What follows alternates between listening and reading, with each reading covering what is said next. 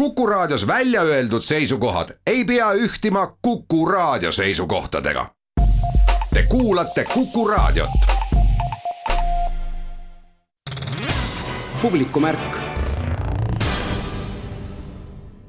tere päevast, head raadiokuulajad.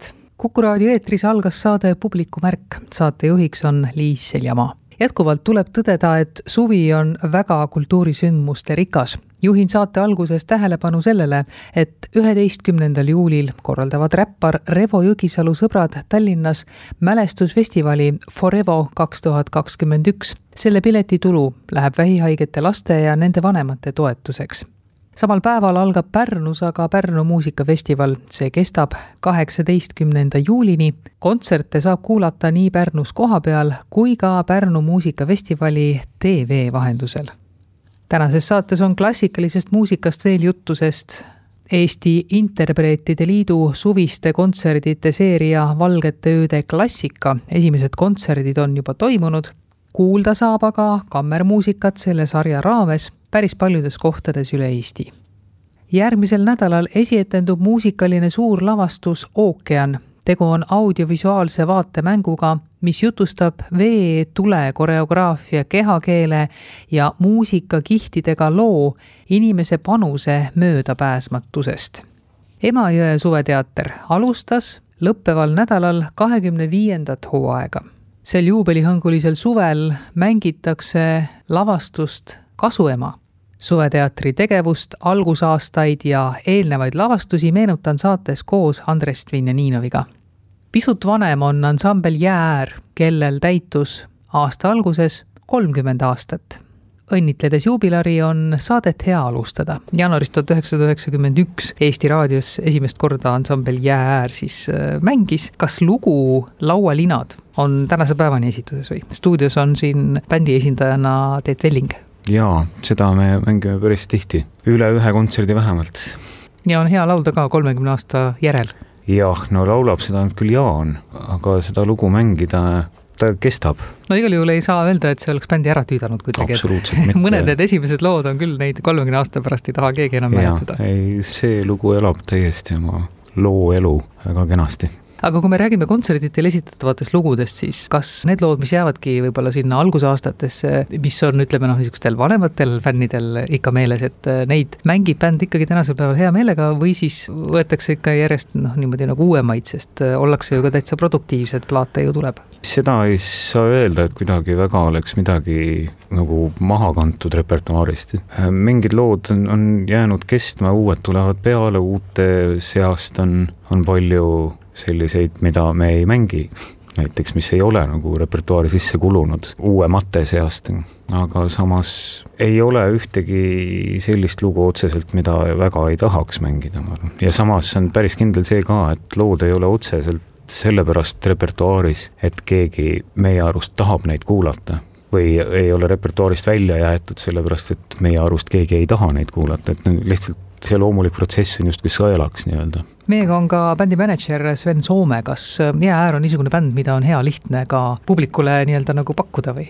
ta on jah, lihtne mõnes mõttes, et bänd on tuntud ja kõigile teada. kas mänedžeri on ikka vaja, selles mõttes isegi bändil, mis on nii-öelda nagu hästi sisse töötatud, tal on oma kindel kuulajaskond ja nii edasi, ikka on hea, kui on mänedžer? absoluutselt, täiesti selge, et see teeb kogu asja kohutavalt palju lihtsamaks. kohati on küll Svenist võib-olla veidi kahju aga oleme siiamaani hakkama saanud. kui on olemas inimene, kes seda rooli keerab, siis on endal kohutavalt palju vähem asju, mille pärast muretseda. no mis need raskused selles mõttes on, nooremast peast võib-olla võis ette tulla juhtumeid, kui bändiliikmed, eks ole, kaotsi läksid ja ei, võib-olla oli hirm, et nad ei jõua ehk kontserdile. tänasel päeval sellist asja vist ilmselt nagu ei tule ette väga või? kaotsi jah, ei, meil on vist jah, selle minu aja jooksul vist üks kord olnud Jaan Sööt niivõrd tõsises kurguhaiguses, et me pidime tegema kolmekesi kontserdi, et siis võtab kogu selle laulmise enda peale tõun, aga, aga üldiselt jah, seda muret ei ole, et keegi nüüd kohale ei jõua, et, et. no korraldamise mured võib-olla on mujal kusagil hoopis, et. noh jah, muidugi siin see aasta ei olnud, ei ole olnud lihtne, et siin on ühte kontserti siin eelmine aasta ka neli korda edasi lükatud ja lõpuks jätsime ta üldse ära, et eks see on keeruline jah, siis nüüd on nagu paisu tagant välja saanud ja kõik teevad korraga, et eks see tuleb selline tihe ja huvitav suvi no tuuri algus on tehtud Kalju laval, aga sealt edasi ikka läheb juba ka päris tihedalt. Karksi-Nuia, Tartu, Kuressaare, Hiiumaa, Vihula, Saaremaa, Pärnu, Muhu ja Rakveres siis augusti lõpus lõpetatakse, nii et täitsa selline korralik tuur. rohkem väga ei oleks väga mahtunudki Jäääär ei ole samas niisugune bänd, mis tooks kokku suuri masse või et millega saaks staadionikontserte korraldada, et ta on olnud mitte. alati ikkagi pigem väikeste saalide bänd. jaa, seda küll, nüüd meil oli Leesi külas Lahemaal üks kontsert, sinna kutsus kohalik kogukond meid, see oli äärmiselt armas koht meile kõigile avastus, inimesed, kes korraldasid, meid vastu võtsid, olid erakordselt kenad lihtsalt. Ja see kohalik kogukond oli üks hea näide neist väikestest kohtadest, mida me Eestis palju näinud oleme, kus kohalikud inimesed hoiavad kokku, teevad asja koos ja hoiavad kohta elus. aga seal oli äh, oletatavasti üle viiesaja inimese, nagu kohalikud korraldajad oletasid ja see on meie publiku jaoks ikka väga palju Ted Velling ei ole mitte algkoosseisu Jääääre liige, aga kui hakata järele mõtlema, et siis kolmekümne aastase bändi puhul oleks ka vist palju loota, et äh, algusest lõpuni kõik ühed ja samad mehed mängiksid ikka, midagi juhtub, keegi tahab midagi muud teha, tuleb ette ka, et minnakse tülli ja nii edasi. jaa selles mõttes on, on bänd nagu äh, abielu või näiteks skaudilaager või. ikka juhtub, et keegi astub kellelegi varbu peale või keegi lööb pimedas pea ära ja, ja, ja ajab selle kellegi teise süüks, on ju, ja siis läheb midagi risti. Jaaniga me saime tuttavaks Tartus, mina läksin ülikooli, Jaan elas Tartus tol ajal, kaheksakümne seitsmendal aastal.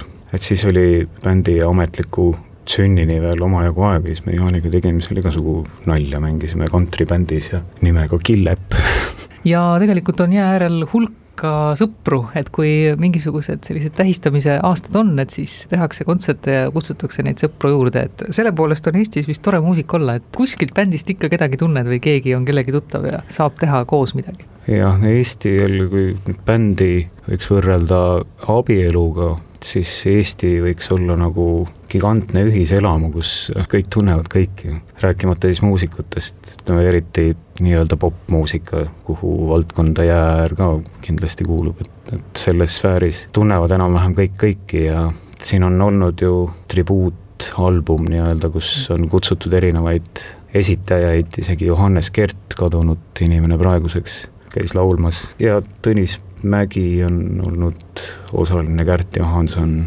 Bonzo, loomulikult Bonzoga on üks terve plaat ja nii edasi, nii et neid, see nimekiri on üsna pikk kas see aktiivne bändi tegevus lisaks sellele, et on kontsertuur, seisneb ka ütleme, salvestamises või siis selle ettevalmistuses? noh, see on loomulikult mingi asi, mis ei toimu kogu aeg.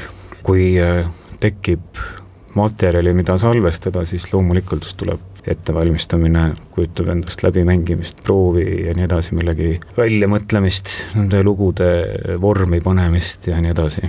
nüüd hiljuti me maikuus me salvestasime Tartus ühe hulga peamiselt jääre lugusid, paar laenulugu ka, millest Stanislav Bulganin oli vene keelde tõlkinud. kombineerisime seal tema muusikalist nägemust iseenda omaga. nii et loominguline mõte lendab küll? kohati jah aga sellel tuuril nüüd, noh, nii palju kui äh, saab äh, ilma seda magusat koort ära andmata reeta, missugused laulud või mis ajastutest pärit laulud siis äh, eelkõige kõlavad? Kindlasti mängitakse lugusid, mis endale kõige rohkem korda lähevad või istuvad, mis on kuidagi seljaajusse kulunud. siis kindlasti tuleb kavasse mõni uuem laul, mida ei ole publiku ees veel esitatud mida ei ole isegi korralikult salvestatud, aga sellist paar koorumata tibu on olemas nii-öelda. ja siis kindlasti võtame ette oma repertuaarist sellised lood, mida ei ole väga palju esitatud, meil on küll terve kava olnud, vähem mängitud, riiulilt, kuskilt ülemiselt riiulilt leitud, tolm maha pühitud, mida ei ole väga palju mängitud, et selliseid tuleb kindlasti ka kavasse. publikumärk Emajõe suveteatril algas kahekümne viies suvi. See on ühest küljest põhjust natukene ka tagasi vaadata, aga teisest küljest tuleb ju uus suvelavastus. Andres Tvinjanino, mis tagasivaatamisse puutub, siis ma olin isegi natukene üllatunud, mõtlesin, et Emajõe suveteater on veel vanem kuidagi, sest ta tundub olevat nagu kogu aeg olnud või? minu jaoks on ka see isegi ootamatult palju ja tore on see, et eile proovis just ma, tuli juttu siin, et kes see Quasimodo on ja, ja nii edasi, ma ütlesin, no kas te siis ei näinud kaks tuhat seitse Toome varemetes Jumalamaa kirgu kellameest näiteks ja e, e, ei, me ei olnud sündinud siis veel, ehk siis täna on siin laval juba ja ka saalis paljuski põlvkond, kelle jaoks on tõesti Emajõe suveteater olnud täiesti normaalne. Tartu linna osa suviti, on ta siis Ülelinna Vinski või aga noh, ega alati ei ole küll need mõtted mul sellised olnud, et küll ta jääb, et on olnud ju aegu, kus ma planeerisin või plaanisin ära lõpetada näiteks aastal kaks tuhat kaks, kui oli päris keeruline olukord mitmes mõttes, aga täna on küll hea meel tõdeda, et läks teisiti no Emajõe suveteater kõige paremas mõttes on ju kaubamärk eks ta vist ole jah, Eesti esimene suveteater kui selline, et teatrid ja riigiteatrid, linnateatrid ka suviti mängivad nüüd, noh, kes ei mängiks, see peaks siis päris rumal olema, eks. ja mis mul on hea meel veel tõdeda, et täna on ka varsti igas alevis ja väikelinnas ja külas ka oma teater. see oli see, millest ma unistasin kakskümmend viis aastat tagasi, olles siis Soome suveteatris ju töötanud kolm suve, nähes, kui tore, kui äge on, kui kogukonnad ise teevad oma teatreid, kutsudes juurde kas või näiteks Elvas praegu Jan Uuspõllu või, või kuskil mujal Lutsu teatris näiteks Veiko Tääri ja nii edasi ja nii edasi. vot täpselt selline asi toimuski Eesti Vabariigi esimesel ajal ja, ja see tundus nagu hästi tore, et mul on selle üli, ülihea meel, et see idee on nii, nii võimsalt lendu läinud. ma mõtlen, nende esimeste suveetendustega sai pandud selles mõttes märk maha ja mitte ainult Emajõe suveteatri jaoks, vaid üldse suveetenduste jaoks, et mingid loomad peavad ikka ka olema, nii et eh, kui paar aastat toimusid etendused, kus olid hobused, siis kui ütleme, kolmandal-neljandal aastal enam hobuseid ei olnud, siis inimesed olid isegi nagu pettunud. Loomulikult inimene tahaks suvel näha midagi erilist. Ja kui sa näed etenduses ka mõnda looma, see on tore aga teater ei koosne loomadest ja lastest. jah, oma järgmises monoetenduses paraku küll, mille nimi on Einari tähetund, mis räägib sellest, kuidas rekvisiitoril saabub unistuste tund ja ta saab ise kõike näidata ja rääkida, kuidas teatrit tehakse. ja ühtlasi selles etenduses tuleb lavale siis ka minu enda koer, puudelvälk. nii et äh, aeg-ajalt on tore millegagi üllatada, aga suveteatri juurde kuuluvad ju igal juhul erinevad loomad, alustame sääskedest, armudest, lavale juhuslikult astuvatest kassidest, kogu linnukoorist, kes lendab peade kohal, nii et see eh, Valdur Mikita soovituse kohaselt loodusega kooselu praktiseerimine on just nimelt Suveteatris võimalik ja ma rõhutaksin, et just nimelt Vabaõhuteatris. päris õige suveteater on ikka see, mis toimubki, on ta siis looduses või on ta linnaruumis, aga ta toimub keskkonnas, mis erineb oluliselt eh, sinu enda statsionaarist Robin Hood oli väga menukas lavastus loomulikult. Ja kuna see toimus ka vabas õhus, inimesed olid nõus, ma mäletan, tulema ja seisma isegi seal pingiridade kõrval, et nad saaksid seda vaadata, see nii suurt publiku tungi vist ei ole olnud ka, seda mängiti muidugi mitu suve. Ja nüüd publiku mõttes ja etenduste arvu mõttes ka oli tuhande üheksasaja üheksakümne kaheksas aasta,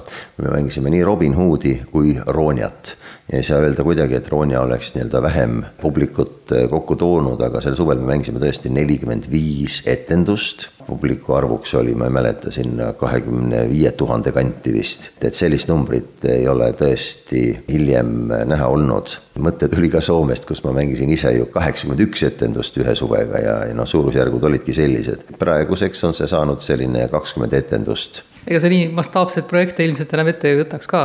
noh, Robin Hood oli ju taevakene ikkagi lõpuks kolm vaatust ja rüütliturniiri ja nii edasi.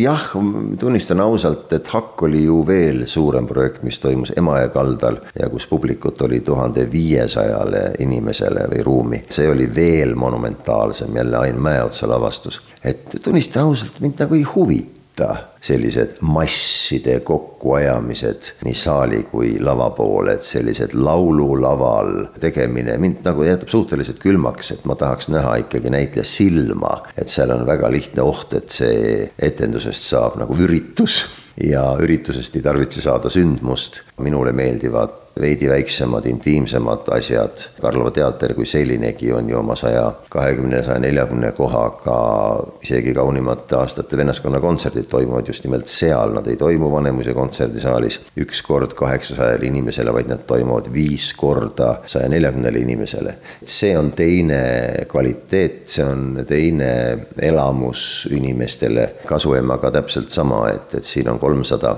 viiskümmend kohta keskmiselt, see on ikka väike saal.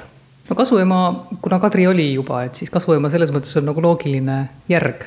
Jah, meil oli tõesti paar aastat tagasi Kadrit tehes üks variantidest laual, ehk teha Kadri ja Kasuema korraga ära, esimene vaatus Kadri, teine vaatus Kasuema, kuid neid sündmusi oli seal ikka sedavõrd palju, et me mõtlesime, et siin on materjali kahe etenduse jaoks. Ja täna on täiesti selge, et jah, on küll Kadri jookseb edasi, et ülejäänud on ju kõik uued tegelased internaadis, kuhu ta satub ja näitlejad on teised, meil on Ülle Kaljuste, Riho Kütsari ja Ingrid Isotamm ja siis on lapsed ja neid on siis rohkem, kui oli Kadris, et, et see on üks muutus ja teine on siis see, et meil on ka elav muusika, Mikk Kaasik, kes teeb ka etenduses kaasa olulises rollis, tema ansambel Efektiiv on meil laval, see on imeline seltskond, nad laulavad nagu oleks noortekoor kuidagi tekkinud iseenesest siia, et meil on koorinumbreid ja soolonumbreid ja muusika on siis põhiliselt selle ajastu muusika, ehk siis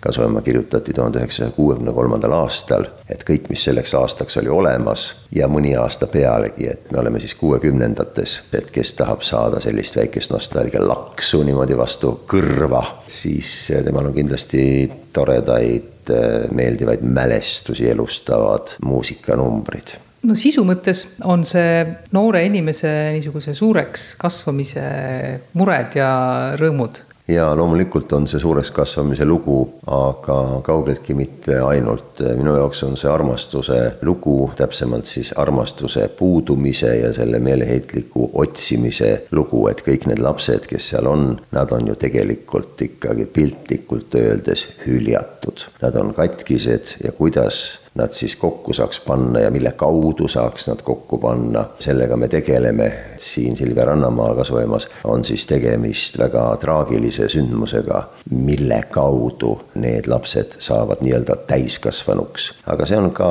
kõikidele tänastele lapsevanematele mitte ainult noortele, sellepärast et me räägime ju ka sellest samal ajal, et miks see nii on ikka veel, need ajad on uued, inimesed endised, nagu ütles Tammsaare Põrgupohja uues vanapaganas, jätkuvalt olemas on need lapsed, kellel ei ole isa või ema või ei ole mõlemat. Või kui on, siis laps ei ole õnnelik, sellepärast et vanemad ei tea seda, mida ütles mu poeg Matteus Dvinjaninov, kui ta oli viieaastane, teie ei tohi minuga pahandada.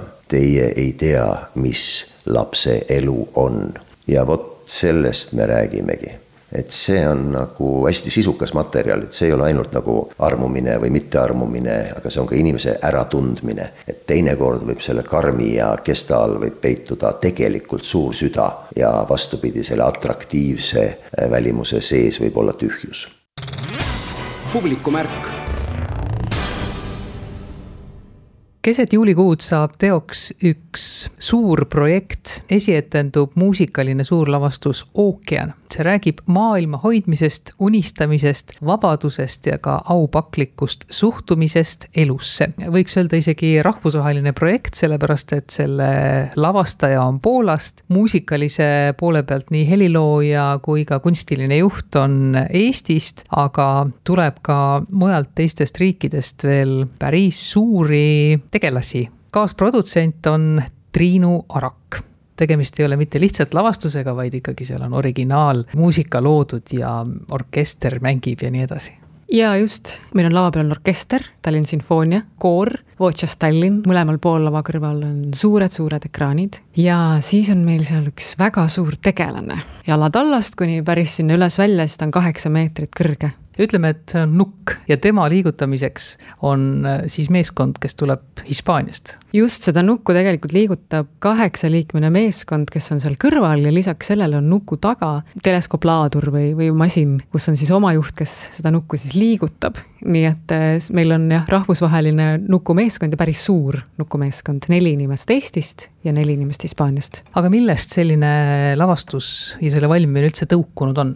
See päris, päris alge oli äkki kuskil kaks aastat tagasi või natukene vähem. Risto Joost, kes on projekti loominguline juht, temal tekkisid mingid mõtted ja tal oli mõte Tallinn sümfoonia loomiseks ja tekkeks ja just nimelt nõnda, et Tallinn sümfoonia ei esitaks muusikat kui ainult muusikat, vaid lisaks sinna veel midagi ja oli soov teha selliseid projekte, mis räägiksid kaasa või, või looksid sellise sideme, ütleme ka kultuuri ja ühiskondlike või ka siis looduslike, kui me nimetame seda mitteühiskondlikuks, selliste teemade omavaheliseks tõukumiseks või mingisuguseks vähemasti just nagu teema tõstatuseks. No selle pealkiri ookean võib-olla võtab kokku problemaatika suures osas, sest kui me räägime keskkonnateemadest, siis ookean on üks kõige suurem keskkond ja ühtlasi ka keskkonnareostus ja kõik see, siis see pealkiri võtab võtab üsna täpselt kokku selle, mis on sisu iseenesest ookean veekogu määratlusena, ütleme, see kaugus on paar sammu suurem kui näiteks kaugus Emajõe ja, ja Läänemere vahel. võtame otseselt veekogude, merede teemad, Heilooja lähtub ja on inspireerunud ookeanikihtidest. on seitse kihti, mis siis määratakse muuhulgas selle järgi, kui palju seal on päikesevalgust ja me lavastuses alustame kõige sügavamalt ja me jõuame järjest ülespoole, kõige viimane on selline veepealne kiht, kõige võib-olla liikuvam kiht. ja selle ümber siis lavastaja Rann-Artur Braun Poolast teatud asju võimendab, lisab sinna sellise oma, tema kasutab palju sellist kehakeelt, kaskadööri trikke, tal on selline täitsa sihuke oma, omamoodi lavastaja keel. tõesti, meie ainus tegelane ongi hiigelnukk, ta on siis kostümeeritud kui süvavee sukelduja naissoost Nukul on, on hääl, tema kaudu räägib meiega emake maa. hääle on andnud Mirtel Pohla. tegevuses on võib-olla mõned inimesed veel, aga seda siis näeb juba koha peal. mis on selle peamine sisu ja kuidas seda ikkagi edasi antakse? Partituuris tegelikult ongi koororkester ja, ja elektroonika on ka kohe sinna juurde mõeldud. ehk siis kohapeal laval on meil orkester ja koor, nad on kõik mikerdatud, ehk siis igal pillil on oma mikker, kusjuures igal mängijal on oma partii. Ja osa sellest elektroonilisest helikujundusest on meil juba sellise põhjana olemas, aga osa sellest sünnibki päriselt koha peal, ehk siis võetakse mängijate väljundid ja otse samal ajal, kui see kõik siis seal sünnib, see mäng toimub seal kohapeal. Mulle tundub, et lavastaja on äh, lähtunud ookeanist, helilooja on lähtunud nendest kihtidest ja lavastaja võimendab seal teatud selliseid keskkondlikke noh, parameetreid juurde. mina olen selle projekti jooksul päris palju kõrva taha pannud. korraldusmeeskonna liikmena me töötame seda materjali ju kõik läbi, väga suur hulk sellest oli mullegi teadmata. mina näiteks isiklikult ei kujuta ette, kuidas näeb päriselt välja Vaikses ookeanis kolme Prantsusmaa suurune prügisaar. me selle lavastusega soovime tõstagi selle fookusesse, et see teema ei, ei läheks kaotsi selle lavastuse loomise juures ja ka etendamise juures on ka silmas peetud seda, et see jälg oleks siis võimalikult väike? me oleme püüdnud äh, seda arvestada korraldusprotsessis tegelikult pidevalt kui me oma tegevusi ja teenuseid planeerisime, siis alati, kui me võtsime pakkumised või kui meil on mingid partnerid, siis me alati küsisime, et kas meil on see valikukoht, et sama teenuse sisuliselt saaksime me mingite teiste vahenditega. meie meeskonna ja vabatahtlike särgid on toodetud sada protsenti looduslikust puuviljast õiglase kaubanduse põhimõtetel. meie noodid ja trükised on trükitud taaskasutatud materjalidele või siis hõlpsamalt taaskasutatavatele materjalidele, näiteks siis kanga peale. teeme koostööd näiteks ringkarbiga, see üks ja sama karp, see on nagu panditops sa võtad selle koju, sööd ära ja siis viid sobivasse kohvikusse tagasi ja saad kas pandiraha tagasi või siis võtad uue toidu sealt. ja Kopsiga meie hotellipartner tegelikult on selline, kes, tal ei ole küll rohemärgist, aga tal on väga palju toredaid selliseid päris tegevussamme, et see mulle tundub, ei ole ikkagi ainult turunduseelarve osa. üks põnev asi, mis meie projekti tuli esialgu juhuslikult, aga nüüd on see omandanud sellised natuke suuremad mõõtmed. meil on seal kasutusel sada viiskümmend heinapalli ja see heina palliala teatud mõttes võib-olla ka siis omandab sellise mingi niisuguse tähendusvälja, aga me loome sinna selles väga suures ruumis teatud sellised väiksemad ruumid või liikumisteed. kui publik tuleb, siis sissepääsu juures on ka üks teine põnev koridor, meie nimetame seda prügikoridoriks või lõhnakoridoriks, meie hea partner on Pandi Pakend. lisaks sellele, et me püüame oma korraldustööga panustada sellesse, et meie enda korralduse jalajälg oleks looduse jaoks väiksem. üritame oma materjalides, oma teematõstetustega, eelkõige meedia kaudu, hoida seda teemat üleval, tutvustada võimalusi, head praktikat, siis me planeerime hetkel ka koristustalguid viieteistkümnenda juuli päeval Pirita rannas maailma koristuspäev on üks meie väga tore partner, kes aitab seal juhendada ja rääkida natukene maailmamerede tervisest, jäätmete seosest maailmamerede tervisega. Ja me kusagil tunni või pooleteise jooksul siis vaatame, kui palju me Pirita randa surfiklubi juurest, kui palju me suudame sealt prügi kokku korjata, loodetavasti see on puhas ja me saame kohe ära minna, meil ei olegi seal midagi teha. Ja selle kõige juures on etendused ainult ühel päeval ja kaks ja. korda no praegu meil on see jah, tõesti nii, et on viieteistkümnendal juulil kell seitse ja kell kümme. me tegelikult planeerime äh, etenduskordi ka Dubais sügisel maailma EXPO-l, aga kuna meil on koroonaviirus, siis see jääb ilmselt kuni lõpuni selles mõttes selliseks, et noh, me omalt poolt teeme kõik, et see oleks võimalik. ja tegelikult EXPO juba ootab meid, nii et me väga loodame, et meil on võimalus sinna minna. aga Eestis näeb seda siis ainult ühel päeval Tallinna kruiisisadama ainult ühel päeval jaa, nii et see teeb selle üsna selliseks eriliseks ja toredaks, et see on tõesti seal kohe niimoodi mere ääres, A-terminali ja linnahalli vahel. muide, sama koht, kuhu ühe potentsiaalse võimalusena ehitatakse võib-olla Estonia ooperiteater, päike ju õhtul loojub, seal on kindlasti väga ilus ja seal muidugi Tallinna Sadama kruiisiterminali uus promenad avatakse samal päeval. külalistel on tegelikult, kui nad tulevad, on päris mõnus enne või pärast seal ilusal uuel, uuel promenaadil jalutada. publikumärk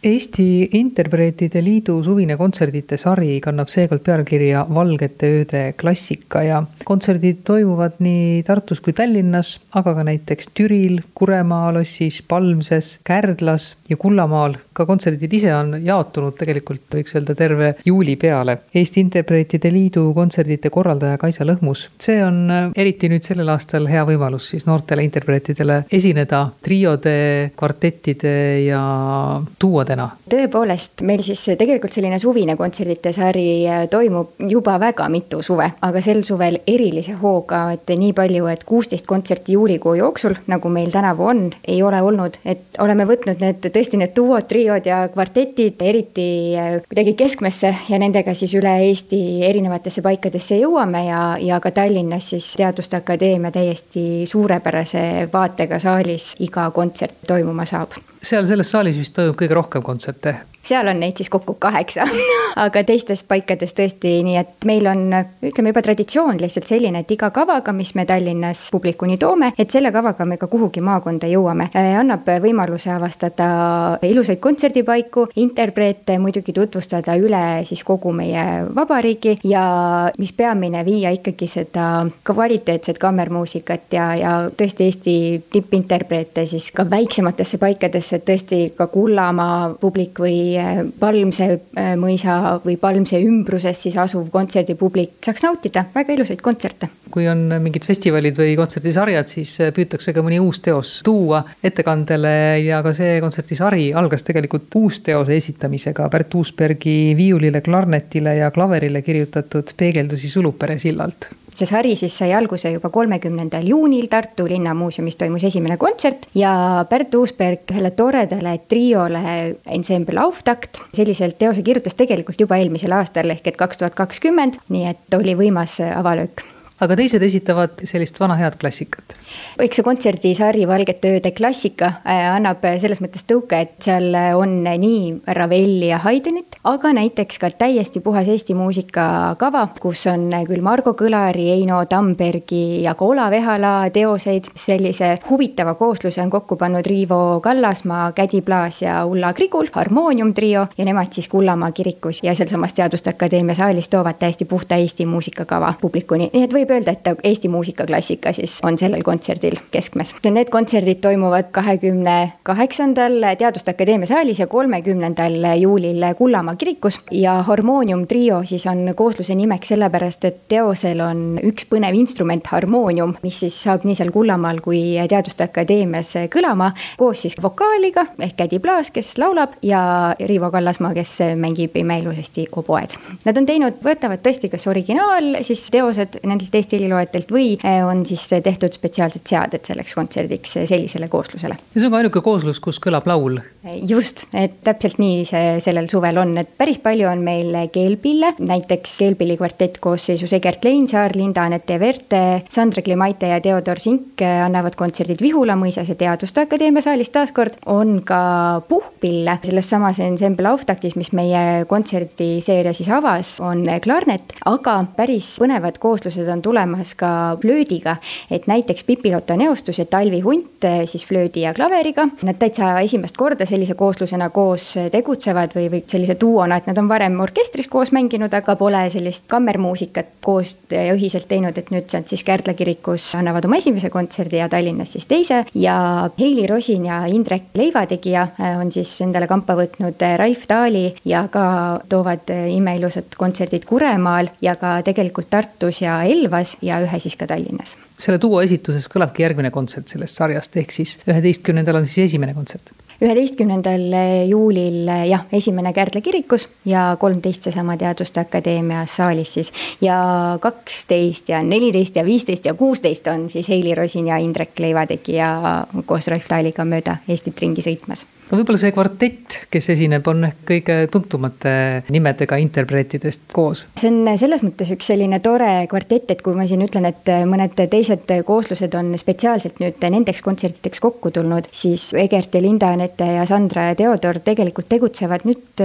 küll juba kaks aastat. Nad on selle kooslusega varem andnud küll kontserte ka Estonia kontserdisaalis ja niimoodi aktiivselt siis väiksemaid kontserte veel ka mujal Eestis, aga see on jah, kuidagi selline püsivalt koos mängiv kvartett ja tegelikult jah, tõesti siis see Harmoonium trio, nemad tegutsevad vist ka kas esimest või teist aastat, et ka niimoodi tore on tegelikult see, et tekib selliseid kammermuusika kooslusi, mis nii-öelda jäävadki tegutsema, et tõesti ei ole mitte ainult nii, et tulen üheks kontserdiks kokku ja siis teen ühe projekti ja siis lähen oma rada pidi. et äh, nende koosluste puhul see on tõesti tekkinud, loodame, et nendest teistest, mis spetsiaalselt siis nüüd kokku on pandud, tekib samasuguseid jätkuprojekte või, või need jätkavad samades kooslustes.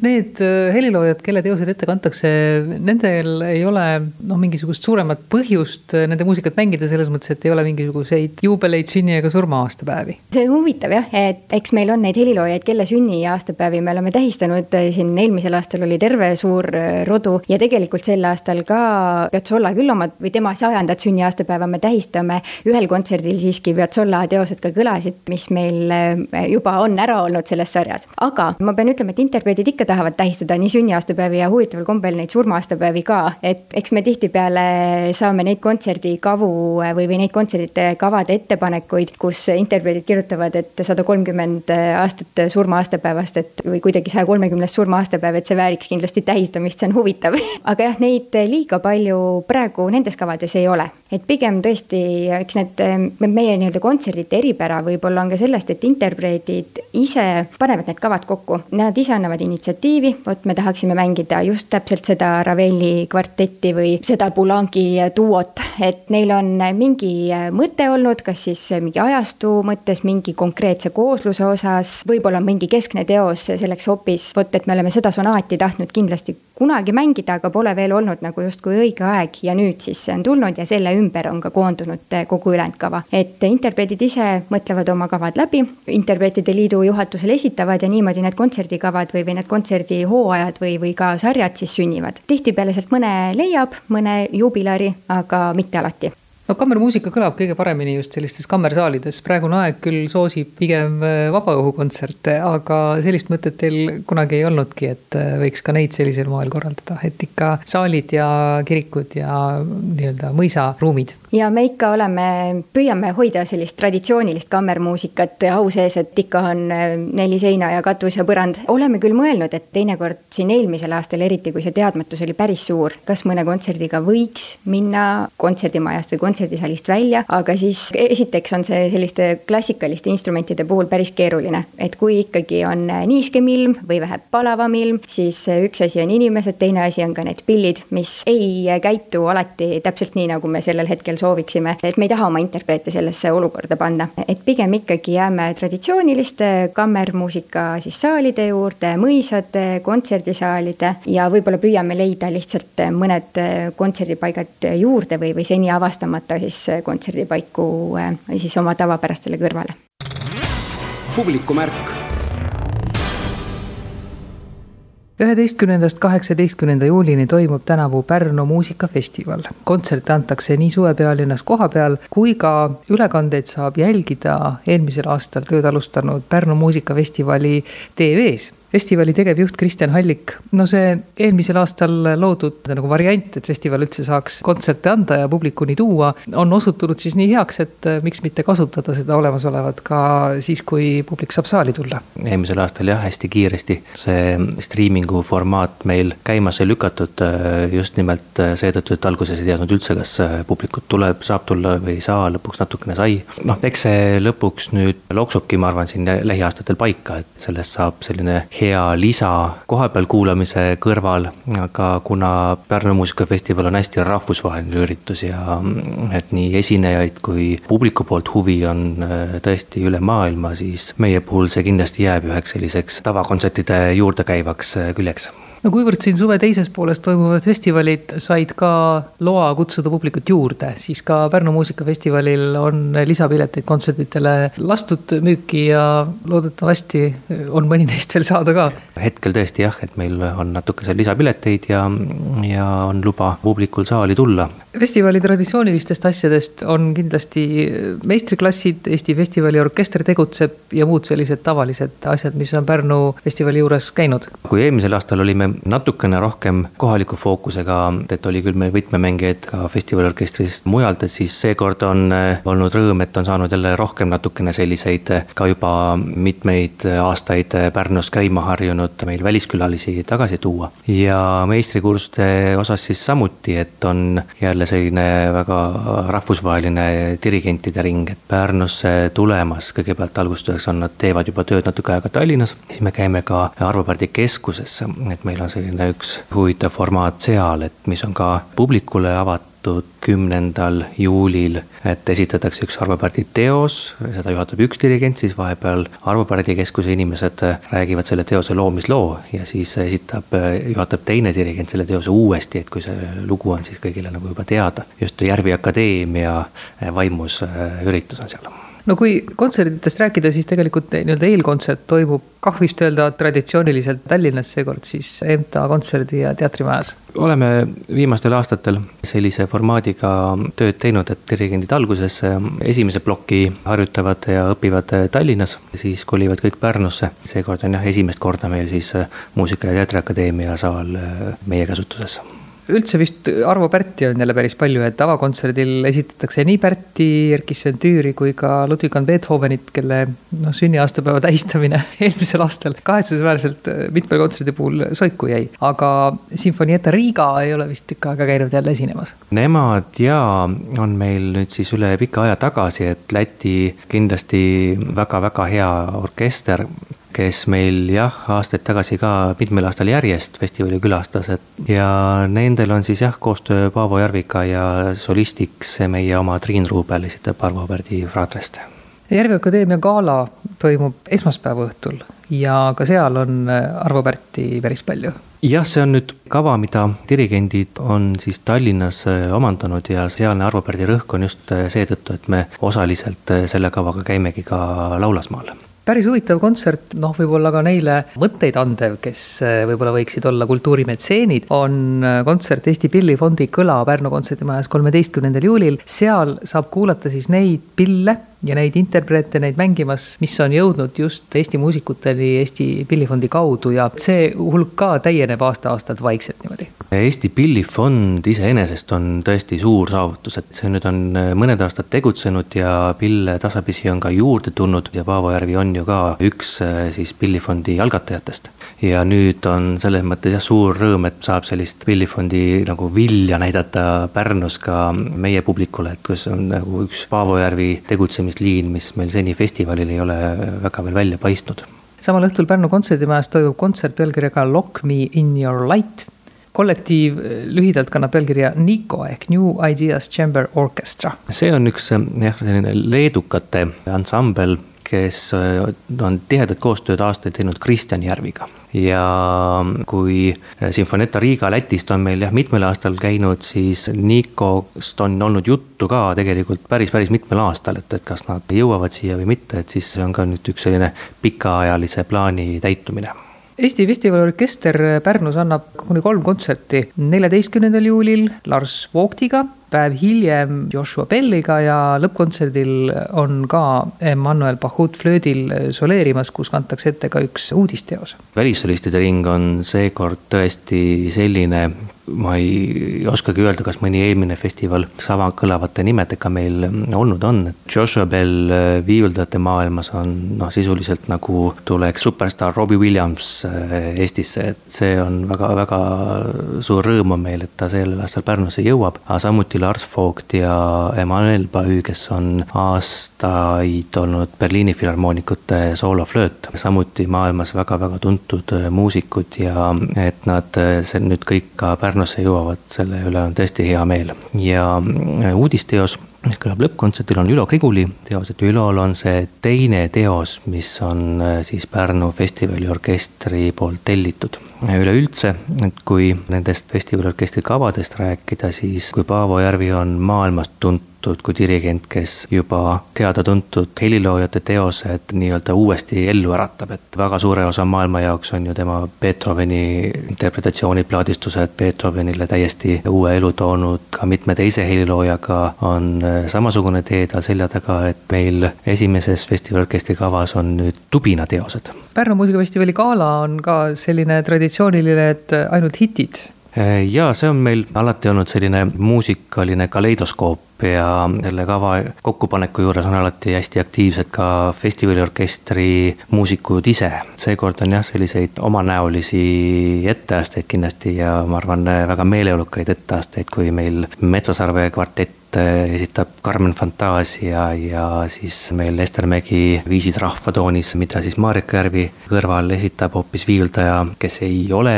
eestlane, et toob võib-olla sellise oma, oma nägemuse hoopis sellesse teosesse ja ja nii mõnigi üllatus on selles kavas veel, et, et ma usun, et tuleb väga meeleolukas kontsert Järve Akadeemia lõppkontsert Pärnu kontserdimajas on seitsmeteistkümnendal juulil ja siis päev hiljem juba nimetatud äh, muusikafestivali lõppkontsert, aga on üks tore kontsert veel, millest oli juttu olnud, nimelt Ranna kõlakojas Pärnu linnaorkester. Kontserdiga See, mis sa naeratades kinkisid. See on natukene nagu niisugune kingitus Pärnule, pühendatud Pärnu arhitekti Olev Siinmaa saja neljakümnendale sünniaastapäevale. kui me eelmisel aastal meil oli üks selline tasuta kontsertide päev Pärnu linnarahvale, siis sellel aastal tegelikult on kujunenud selline formaat, kus lisaks Pärnu Linnaorkestri kontserdile on siin järjest veel paar kontserti juurde tulnud. Pärnu Linnaorkestri kontsert tõesti on selline just ka sellise sajandi alguse muusikast, et mida tollel ajal seesama arhitekt võib-olla raadiost kuulis ja siis selline kuurorti formaat on meil ka just hiljuti ja tegelikult ka praegu väga aktuaalse teema väljatoomiseks, et peale Pärnu linnaorkestrit tulevad esinema ka Politsei- ja Piirivalveorkester ja Kaitseväeorkester. kindlasti tasub tulla kuulama